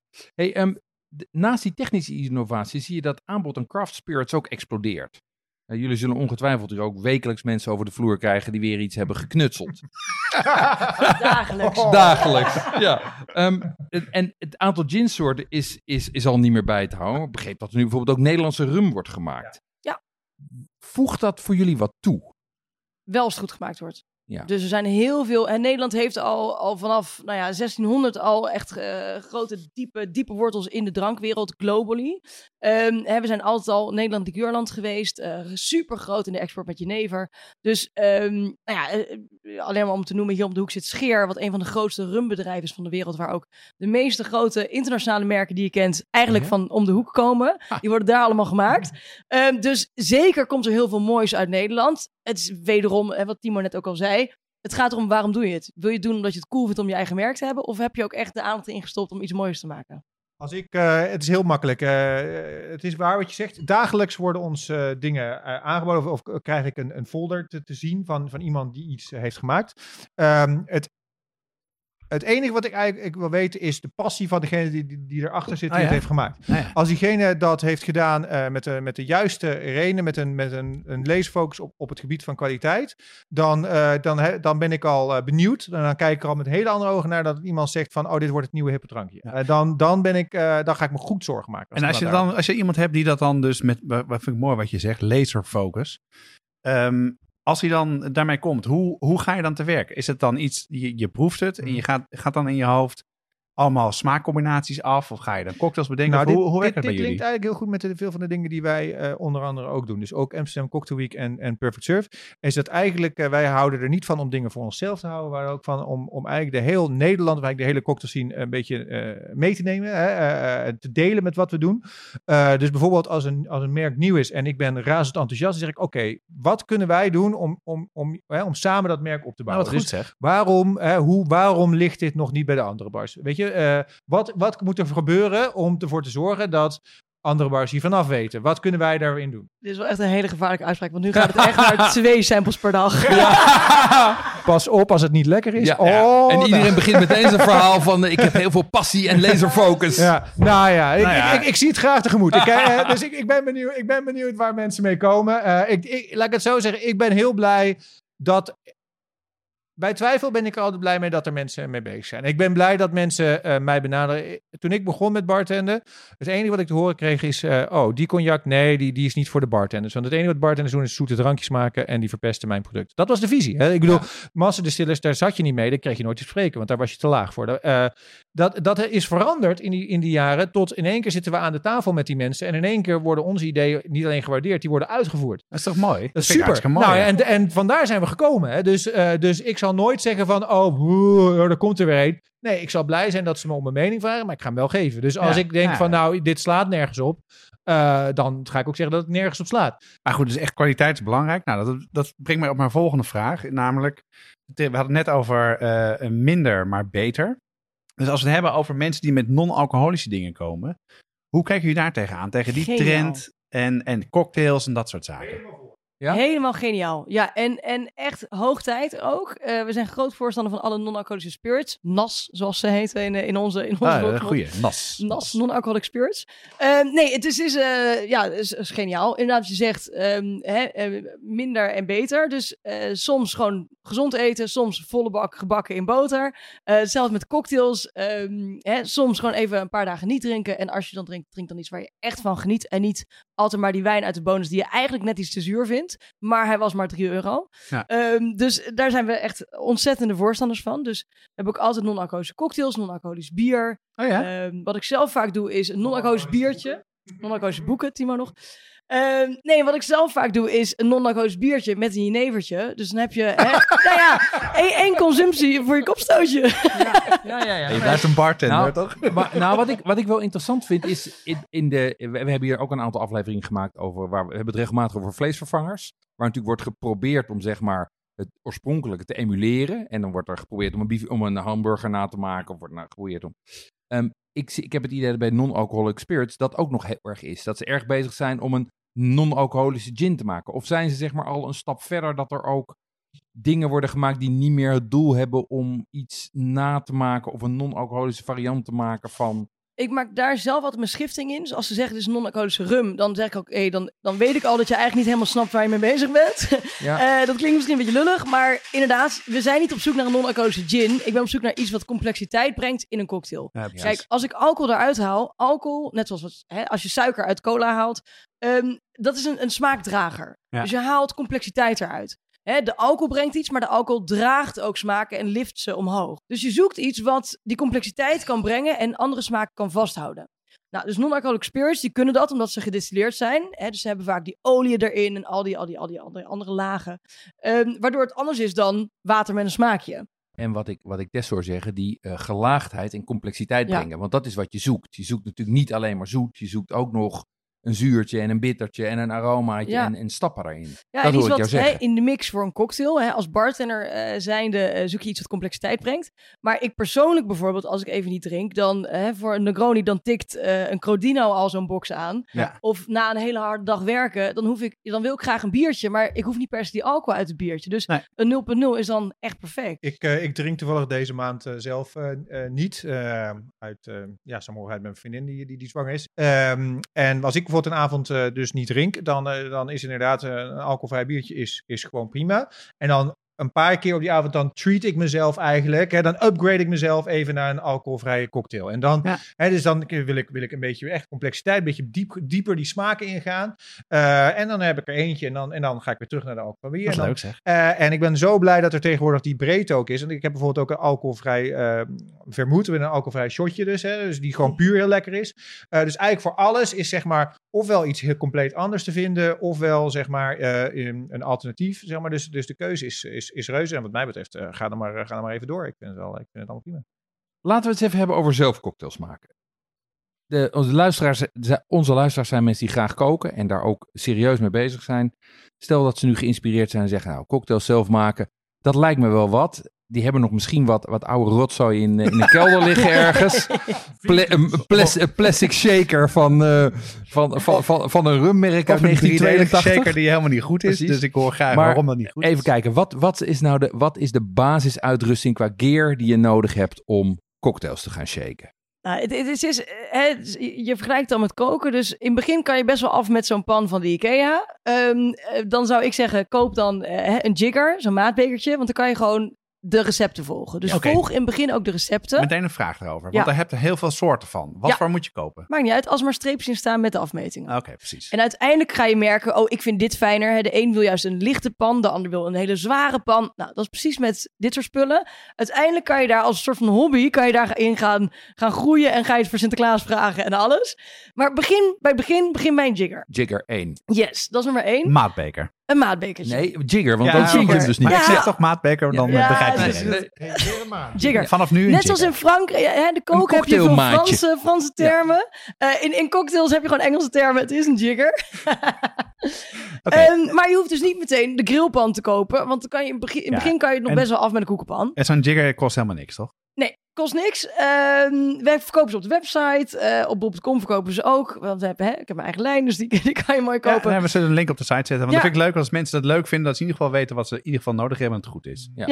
Nou, en vervolgens kan je lekker gaan uitbreiden. Dus dan zou ik zeggen, koop dan inderdaad een, een shaker. Ja. Eh, dan heb je ook een strainer erbij nodig. Dat is Ja, een soort van zeefje die erop zet, zodat Eh, de ijsblokjes achterblijven. en over dan een shaker. Ik heb dus de verkeerde shaker. Ja, of je doet het niet goed. Ja, dat kan ook. Maar wat doe ik dan? waarom ontploft hij dan? En wat heb je dan nodig? Leg maar kort uit. uitleggen. Kijk, eh, jij zegt eh, al, ik heb een 3-piece shaker. Hè? Dus Ja. het bestaat uit drie delen met een dopje erop. Hè? Ja, met klopt. een zeefje erin. Ja. Nou, eh, je kan dan denken, oh, dat is handig. Er zit al een zeefje in. Dat, Dat is dacht fijn. ik, ja. Dat dacht ik. Eh, hè? Twee in één. Hè? Nou, nice. Nee, zo'n 3-piece shaker die gebruik je eigenlijk in de techniek een waker voor eh, romige cocktails. eh, ook vanwege de, de vorm. Ehm, en je wil eigenlijk liever de, de controle in eigen hand houden. Hè? Hetzelfde als dat je bijvoorbeeld als je een inbouwkeuken hebt. Hè? Of een, of een, hè? Of een combi-oven. Je wil eigenlijk het liefst het uit elkaar trekken. Zodat als er wat mis is. Of als je dus inderdaad dingen zelf wil aanpassen. Dat je dat kan. Hè? Als er iets stuk is. Oké. Nou, dus bij een shaker ook wil je eigenlijk het liefst wil je beginnen met gewoon een, een, een shaker die uit twee delen bestaat met een strainer, zodat je dus zelf kan uitvinden. Nou, weet je, hoe eh, werkt, werkt die combi lekker voor mij? Is dat iets wat, eh, kan ik daar, wil, wil ik daar iets anders in doen? Ehm, En de dus strainer, is dat echt zo'n dat ding? is wat- zo'n zeef. Dat is een zeefje wat er heel mooi uitziet met al die dingetjes eraan, of maakt dat niet uit? Ja, het is, het is niet een zeef, want een zeef dat is meer een fine strainer. Dat is echt een soort van theezeefje. Een strainer is zo'n ding met zo'n eh, spiraal eromheen. Check. Zo'n veer. Ja, helemaal goed. Dus Ik kan verder. Dus, dus Ja. ik moet een nieuwe, nieuwe cocktail shake koken. En waarom ontploft hij dan?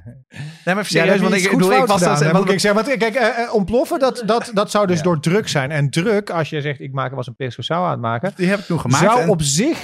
Ja, het zou het uit kunnen, kunnen zijn. Of er was iets mis met je ei. Dat kan ook. Ik Nou, weet wat niet ik gedaan heb, eh, om even aan te geven, ik heb het boek van Tess gekocht ooit. Dat, eh, Heel goed. en, daar staat de Pisco Sour in. Ik herkende ook de, de maten, dus eh 60, 30, 15.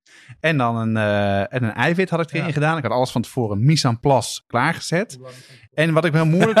Nee, zeg je? Timo is een flauw En doen eerst over Eerst zo- Jij denkt dat Ries is gaan Nee. gisten of gaan... Ik eh, denk gewoon, want je maakte er meerdere. Ik denk Eerst gewoon dat jij een kleine, kleine shaker hebt. En dat die druk bouwde op, omdat hè, je eiwit gaat op een gegeven moment gaat uitzetten. dat gaat zo'n schuim Dat zal vormen. het zijn, ja. En dan plopt dat dopje eraf. Ja. Dat is denk ik Nou, niet het dopje. Oh. De hele, de hele Ja, ding. maar wat punt is, ik had hem heb gewoon dus- niet goed vast. Want je moet hem ook natuurlijk gewoon wel dicht Ja, houden. maar dat is inderdaad moeilijk, want je moet dus aan de ene kant moet je het ding vasthouden en dat dopje erop. Shaken, eerst eh, zonder ijs, zoals ik in het boek zag, en daarna met ijs. Ik vond het moeilijk om open te krijgen, maar dus het, waarschijnlijk is het dan eh, het, eh, eh, de schuim die ontstaat door het eiwit. Dat het druk opbouwt die toch kwijt moet en dat het misgaat. En moeilijk vasthouden. Dus een two-piece is een stuk makkelijker. Toepie Nou, en dan, ik en moet dan leren. glas of metaal? Ehm, ja, ik ben altijd voor team metaal. Gewoon meer omdat hè, het, het glijdt makkelijker. Hè, natuurlijk de kou. Ehm, maar daarbij ook minder breekbaar. Dus Ja. als het valt, ehm, ja, dan valt hij niet kapot. Ehm, het kan gewoon wat meer kracht aan. Eh, dat is eigenlijk een beetje mijn reden. Maar Het enige, enige voordeel voor, voor glas zou zijn dat je dus hè, dat het visueel appealing is dat als terwijl je dus maakt in het glas, Ja. dat je bijvoorbeeld een, een conformatie hebt van hey, eh, de kleur klopt niet, ik ben wat vergeten Ja, of ja. zo, Ja. I guess. Ehm, en dat is ja. eigenlijk de enige voordeel ervan. Dus het is het visuele aspect, maar ik vind dat niet echt eh, heel, heel erg belangrijk. Oké, dus dan hebben we dus een, eh, dus een jigger, Mm. een shaker, Mm. een tweedelige shaker, eh, een safe, maar dan niet een theesaveje, Een maar strainer. Strainer. Een Hawthorne strainer. Als, Ja, je, een helemaal, Hawthorne als je hem echt goed wil doen. Een Hawthorne strainer. Je had het al over ijs. Eh, Wat, dus, eh, Genoeg ijs. Ja, Goed ijs. Ja. precies. Eh, en, en dranken, denk ik. Of heb je En er nog- dranken. Ehm, nou, verse, vers sap. Dus hè, in het begin kan je dat natuurlijk gewoon met zo'n klein persdingetje af om je citroenen en je limoenen te juicen. Maar je kan uiteindelijk ook een Mexican elbow of een handpers kopen. Jongens, echt die gear. Ik, Ja, ik weet het. We hebben ze allemaal ga, op de website Ik ga een staan. lijstje maken. nee, en uiteindelijk wil je ook, hè, als je die echt die klassiekers wil gaan maken, dan dat kan je in het begin wel af in een van de delen van je shaker of in een karaf. Maar uiteindelijk is het leuk om een mixing glass te kopen om daarin te stirren.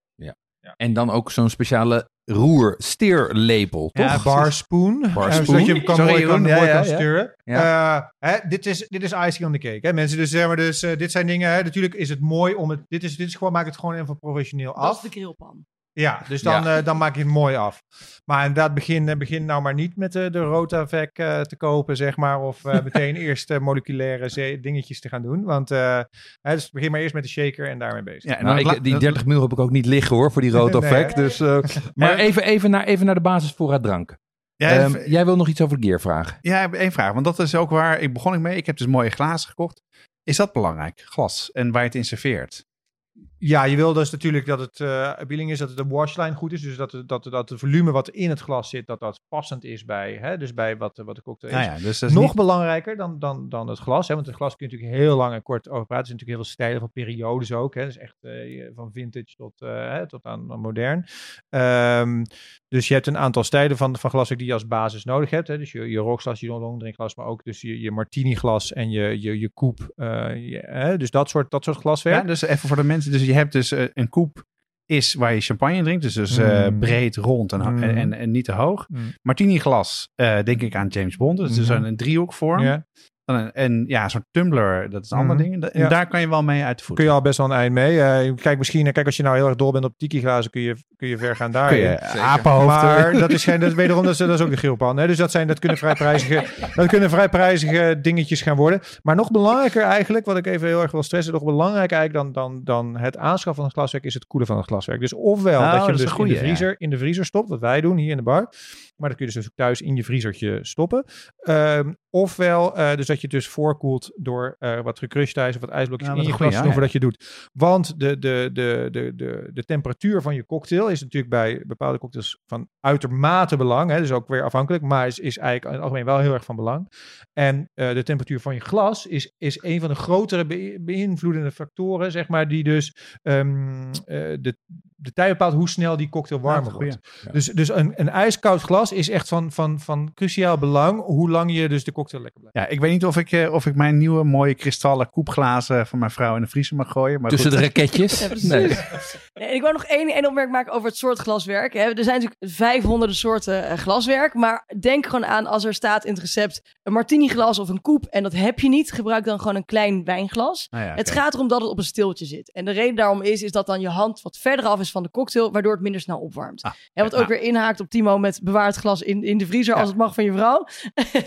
maar zorg gewoon dat het een beetje, een beetje lijkt op wat er uh, wat Oké, maar dat vind ik wordt. dat dus eigenlijk al wat je in, in de kast hebt, hebt staan, daar kan je Ja, al prima cocktails zeker, mee maken. Zeker. En wat ik ook, eh, wat ook hartstikke leuk is, eh, wat ik zelf ook doe als, als hobby, is gewoon loop die, die, die vintage markjes af, die vintage plekjes. Eh, eh, en als je dus van die mooie ouderwetse glaasjes, van die graveerde glaasjes, gewoon scoren. En ook, dat is hartstikke leuk nog steeds. Heel vaak zijn, heb je, zijn het van die enkele vormen, dan zijn ze hartstikke goedkoop. Dan heb je ze echt voor, voor 3, 4 euro, heb je gewoon fantastisch mooi gegraveerde glazen nog. Ah, ja. Ehm, en sla ze gewoon in. Dat is toch hartstikke leuk als je je eigen cocktail in zo'n mooi glas, eh, ja, in zo'n mooi ouderwets glas kan doen.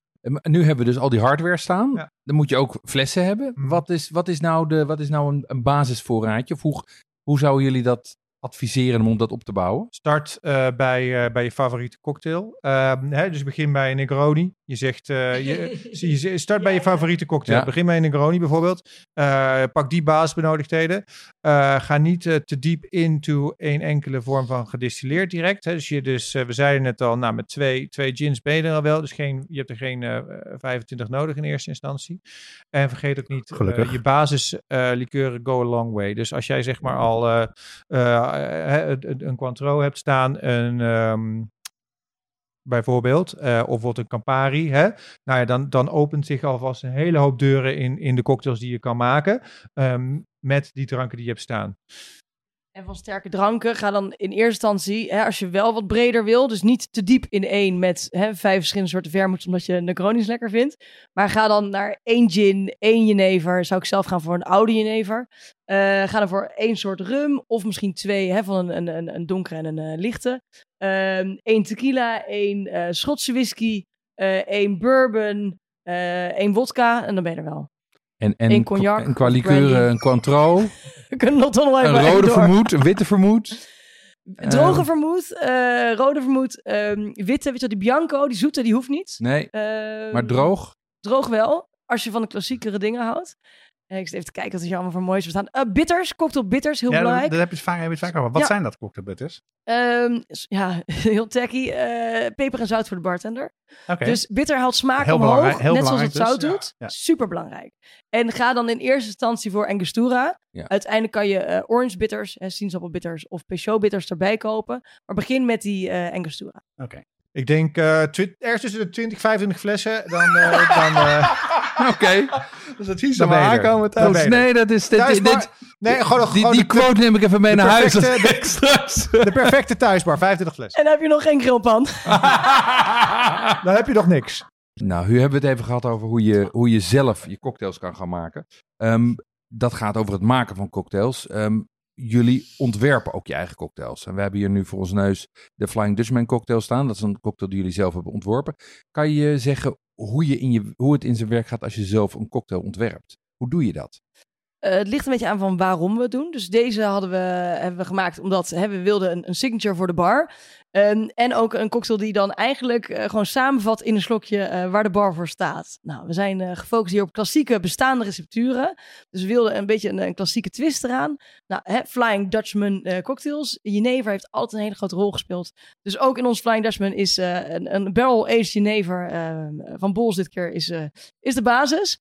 Een beetje citroensap om me fris te houden. We hebben um, een huisgemaakte speculaaslieker siroop Nou, die we dat is maken. het, ja. ja. Ja, speculaas. Dus dan heb je heb een beetje die donkere kruidigheid. Ja, wat ook weer terug, teruglinkt naar uh, de kruidenroute en de invloed daarvan op Nederland als likeurland.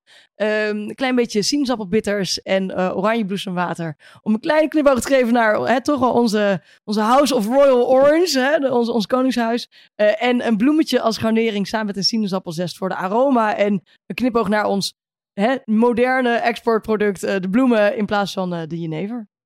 Ja, maar het is dus echt, het is feitelijk echt uh, uh, bijna strategie en concept gedreven. Heel, Vanuit daar ja. begin je een doorvertaling te maken naar de smaken die je erin wil brengen. En dan probeer je een, een samenhangend geheel te maken. Is Ja. dat, is dat, ben je er lang mee bezig?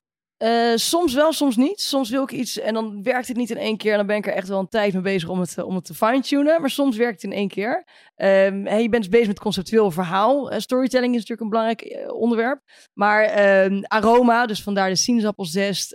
Je bent ook met mondgevoel bezig. Dus we hebben een beetje Arabische, Arabische gom in Maar dat- de maar dat speculatiesiroop gedaan. Want ik, dat proefde ik. Dus toen je vertelde, ik die ehm speculatieskruiden proefde ik meteen. Maar er zit ook inderdaad iets heel erg... eh, Een beetje molligheid. ja, in, eh. mollig, warms in. Dat vind ik onwijs lekker. Ja, en dat hebben we weer gedaan als kleine knipoog, omdat hè, we focussen hier op klassiek. Uh, nou, hele klassieke manier van siropen maken uh, voor cocktails uh, was uh, Gam Arabica gebruiken. Ja. Wat natuurlijk ook traditioneel in de kauwgomindustrie gebruikt werd. Ja, vandaar. Ja, Uh. Dus dat hebben we weer ook weer terug uh, toegepast. Dus um, ja, het is dan een beetje proberen haakjes, storytelling. Hè, en natuurlijk moet smaak, balans, aroma moet gewoon kloppen. Nou, hartstikke leuk om, om te horen hoe je dat, hoe je dat doet. Uh, mocht je overigens geïnteresseerd zijn in de cocktails die, uh, die Tess en Timo ontwerpen. Ze hebben ook een, een cocktailabonnement. En uh, dan krijg je, ik heb dat al een Jou wel- aantal, ja, ik wel heb dat al een aantal weken. En dat is hartstikke leuk. Krijg je elke twee weken krijg je drie cocktails toegestuurd. En uh, met een verhaaltje erbij. En dat is dus ook een hele leuke manier om zo je, je repertoire en, en je, je ervaring uit te breiden. Goed, dan had ik een vraag. Hè? Dus uh, die kan je dus opsturen. Dus uh, dat, want ik heb het ook gedaan. En dat vind ik onwijs leuk, omdat je namelijk... Dan leer je ook al die verschillende soorten cocktails kennen. Er staat ook goed bij wat het is. Waardoor je ook denkt, nou, dat wil ik zelf al een keer maken uh, om te doen. Maar als je nou buiten de deur wil eten, waar kan je nou goed in Nederland uh, cocktails drinken, behalve bij jullie twee zaken? Um, om daar een aantal uh, in te noemen. Ik vind zelf in Utrecht vind ik Behind Bars altijd hartstikke gezellig. Utrecht heeft een hele leuke bar scene, cocktailbar scene. Al, al sinds jaar en dag eigenlijk met een aantal ja, markante figuren ook daarin. En uh, absoluut een eigen stijl ook gevonden en een eigen publiek. Nee. Uh, heel leuk om te zien. Uh, ook die, hoe die ontwikkeling daar is, is gegaan. Um, in, in, ja, dat is eigenlijk al, al sinds jaren is dat in ontwikkeling.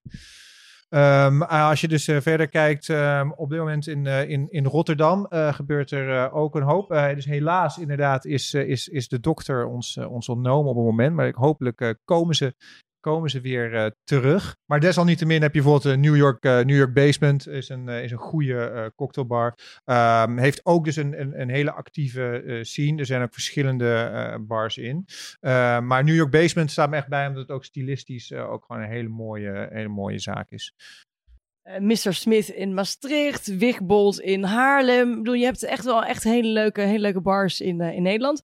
Maar als je ergens, uh, stel, stel zitten er niet tussen wat we genoemd hebben, stuur ons even een berichtje en dan ja, leuk, laat het weten. Want, ja, ik ken ze ook niet allemaal. Nee, maar ook voor de luisteraar die zelf ergens woont buiten Amsterdam en naar een cocktailbar wil. er zitten bijna in alle grote steden tegenwoordig wel echt goede cocktailbars. En um, als, we, als we straks uh, weer uh, overal naartoe mogen vliegen, zijn er zaken in Europa of daarbuiten waar jullie oh. van zeggen, waar, hier moet je naartoe? Oh ja. Oh, Tess grijpt er hard vast. Ik denk, die heeft een nee. bucketlist van meer ja, dan tien. Uh, jongens, honderden, honderden. Timo zegt er twee, Tess zegt er twee. Oh jezus, oké, okay, oké, okay, oké. Eh, plekken. Ik, eh, ik vind eh, Kopenhagen vind ik, heel erg leuk. Amerikaal erg leuk. We denken vaak in Nederland, vaak denken we naar, naar het zuiden, weet je, om een Ja. uitstapje te maken. Maar we vergeten het noorden even. Eh Kopenhagen, geweldig, geweldige cocktails zien. Ehm, eh, eh, ik denk even aan Boulder Dash, even nu als, als specifieke bar. waarmee dingen mee samen ook hebben gedaan tijdens deze coronatijd online. Ehm, ik vind altijd Sint-Petersburg niet te onderschatten. niet te onderschatten. Sint-Petersburg, ja, je vergeet hè, maar je denkt echt waar, die, die Russen jongens, ze komen. Ja, eh, maar ik- in en op Moskou- een hele dat. leuke manier. In Moskou heb ik ook echt Moskou hele goede ook cocktailbars Hele gezien. serieuze... Deze scene. stelt niet als mijn nummer twee, maar eh, China in, in Moskou, geniale bar. Nou, ik zit er zelf een beetje aan, aan delicatessen te denken, zeg maar, in uh, Sint-Petersburg. Dus, en dat zijn niet barren die uit de lucht komen vallen. Hè. Dat zit ook al jaren van Ja, opbouw ja, ja. achter. Die hebben ook echt hun eigen publiek. Dit zijn geen toeristen eh, eh, traps of zo. Dit zijn plekken, er zitten local zit daar. Dat is gewoon Ja. hartstikke gezellig. En die weten ook al echt verdomde veel van drank dus Am- Amsterdam, Haarlem, Utrecht, Maastricht. Kopenhagen, Sint-Petersburg, Tess. Nou, dan neem ik je gewoon naar wat klassieker mee. Eh, Londen, daar is, ja, alles is daar eigenlijk geniaal. Ik ga er toch stiekem meer dan twee noemen, maar eh, Savoy, Taylor Elementary, ehm, ja, ik kan er echt nog wel duizend doorgaan daar. Ehm, en New York, toch Ja, ook. Eh. Clover Club is echt een van mijn favorieten. Ook omdat de vrouw die daar de bar-eigenaar is, Julie Reiner, is een geniale vrouw. Hij is echt, nou, hij heeft aan de, aan, de, aan, de, aan de oorsprong gestaan van de, van de wederopkomst van de cocktail. En als vrouwelijke bartender een groot, groot voorbeeld. Eh, maar ook gewoon echt een geniale bar. Ehm, ja, joh, er zijn er zoveel in de wereld Ja. waar we nog heen moeten. Tess en Timo, heel veel dank voor jullie gastvrije ontvangst. eh, en dat jullie ons eh, en de luisteraars hebben, meer hebben verteld over alle aspecten van de cocktailcultuur. En vijf fantastische cocktails voor ons hebben geshaked. Heel veel dank daarvoor. Graag gedaan. Leuk. Ja, ik heb er echt heel veel van geleerd. Ik moet dus een nieuwe shaker kopen. Ik moet een jigger hebben. Ik moet een barspoon hebben. En 25 flessen drank. Nou, dat wordt lachen thuis. Goed. Eh, maar goed, eh, het is tijd om af te ronden. Daar hoort ook bij dat we, eh, dat we het hebben over het vegetarisch repertoire. Laten we eindigen met een vegetarisch recept. Ja, dat is deze keer een zoetzure tofu. Feitelijk de vegetarische variant van kulujuk. Het is een, het is een echte crowdpleaser waarbij gebakken stukken tofu in een zoetzure saus met paprika en ananas liggen. Ehm, je kan het ook met voorgebakken tofu van de toko doen en dan is het echt maar 15 minuten werk. Ehm, dus dat is snel en makkelijk en hartstikke lekker. Ehm, waar gaan we het volgende keer over hebben, Jonas? Nou, de volgende keer gaan we het hebben over risotto. Het lijkt mij een goed onderwerp, want eh, voor mij is risotto altijd het recept wat ik eh, wel of niet bestel in een restaurant. Als ik het niet vertrouw, bestel ik het zeker niet. het kan zo Oh, misgaan. het gaat bijna altijd mis. Ja. Dus eh, een, een goede risotto bij een goed restaurant geeft aan of, of ze goed kunnen koken. Dus daar wil ik het graag over hebben. Goed. Deze podcast wordt gemaakt door Jeroen Doucet en Jonas Nouwen. Reacties kan je sturen naar jeroen.watschaftepodcast.com of jonas.watschaftepodcast.com of je stuurt een DM via Instagram, Facebook of Twitter. Help ons door de podcast door te sturen naar één iemand waarvan je weet dat hij van lekker drinken houdt en lekker eten. Eh, en laat een review achter op Apple Podcast. Dat helpt ons heel erg en ook andere luisteraars om de podcast te vinden. Hebben we nog goede reacties gehad hierin? Ja, we hebben hele leuke reacties gehad. Eh, ik zal er eentje voorlezen. Beste mannen van Watschaf de podcast. Tweeënhalve week geleden zijn we bij de start van onze vakantie geïntroduceerd met jullie podcast. Wat is dit aan ons besteed? We hebben aardig wat uren gereden door heel Frankrijk, maar deze uren vlogen voorbij met al jullie verhalen. Ook bracht het ons inspiratie. Zo hebben we de gehaktballetjes gemaakt op ons gaststel en de gebraden kip. En toen de gebraden kip mislukte, op datzelfde gaststelletje, hebben we hier bouillon van getrokken en hier Tokyo ramen meegemaakt. Kijk eens aan. Overigens wel met Luigine als noedels. Hartelijk dank voor jullie leuke gesprekken. Hartelijk groet Tim en Robin. PS, we zijn jonge maar ambitieuze restaurantgangers en konden ons ook erg vinden in de Rotterdam aflevering. Grote fan van de Supercrab. We zijn ook erg nieuwsgierig naar jullie lijst van favoriete restaurants in de wereld in de rest van Nederland. Vinden we die ook op de site? Zeker weten. En daar zullen we dus heel veel cocktailbars aan toevoegen. Tess, Timo, hartstikke bedankt voor jullie drankjes. Je hoort het misschien wel een beetje, vrees ik. en eh, tot de volgende keer. Tot de volgende keer.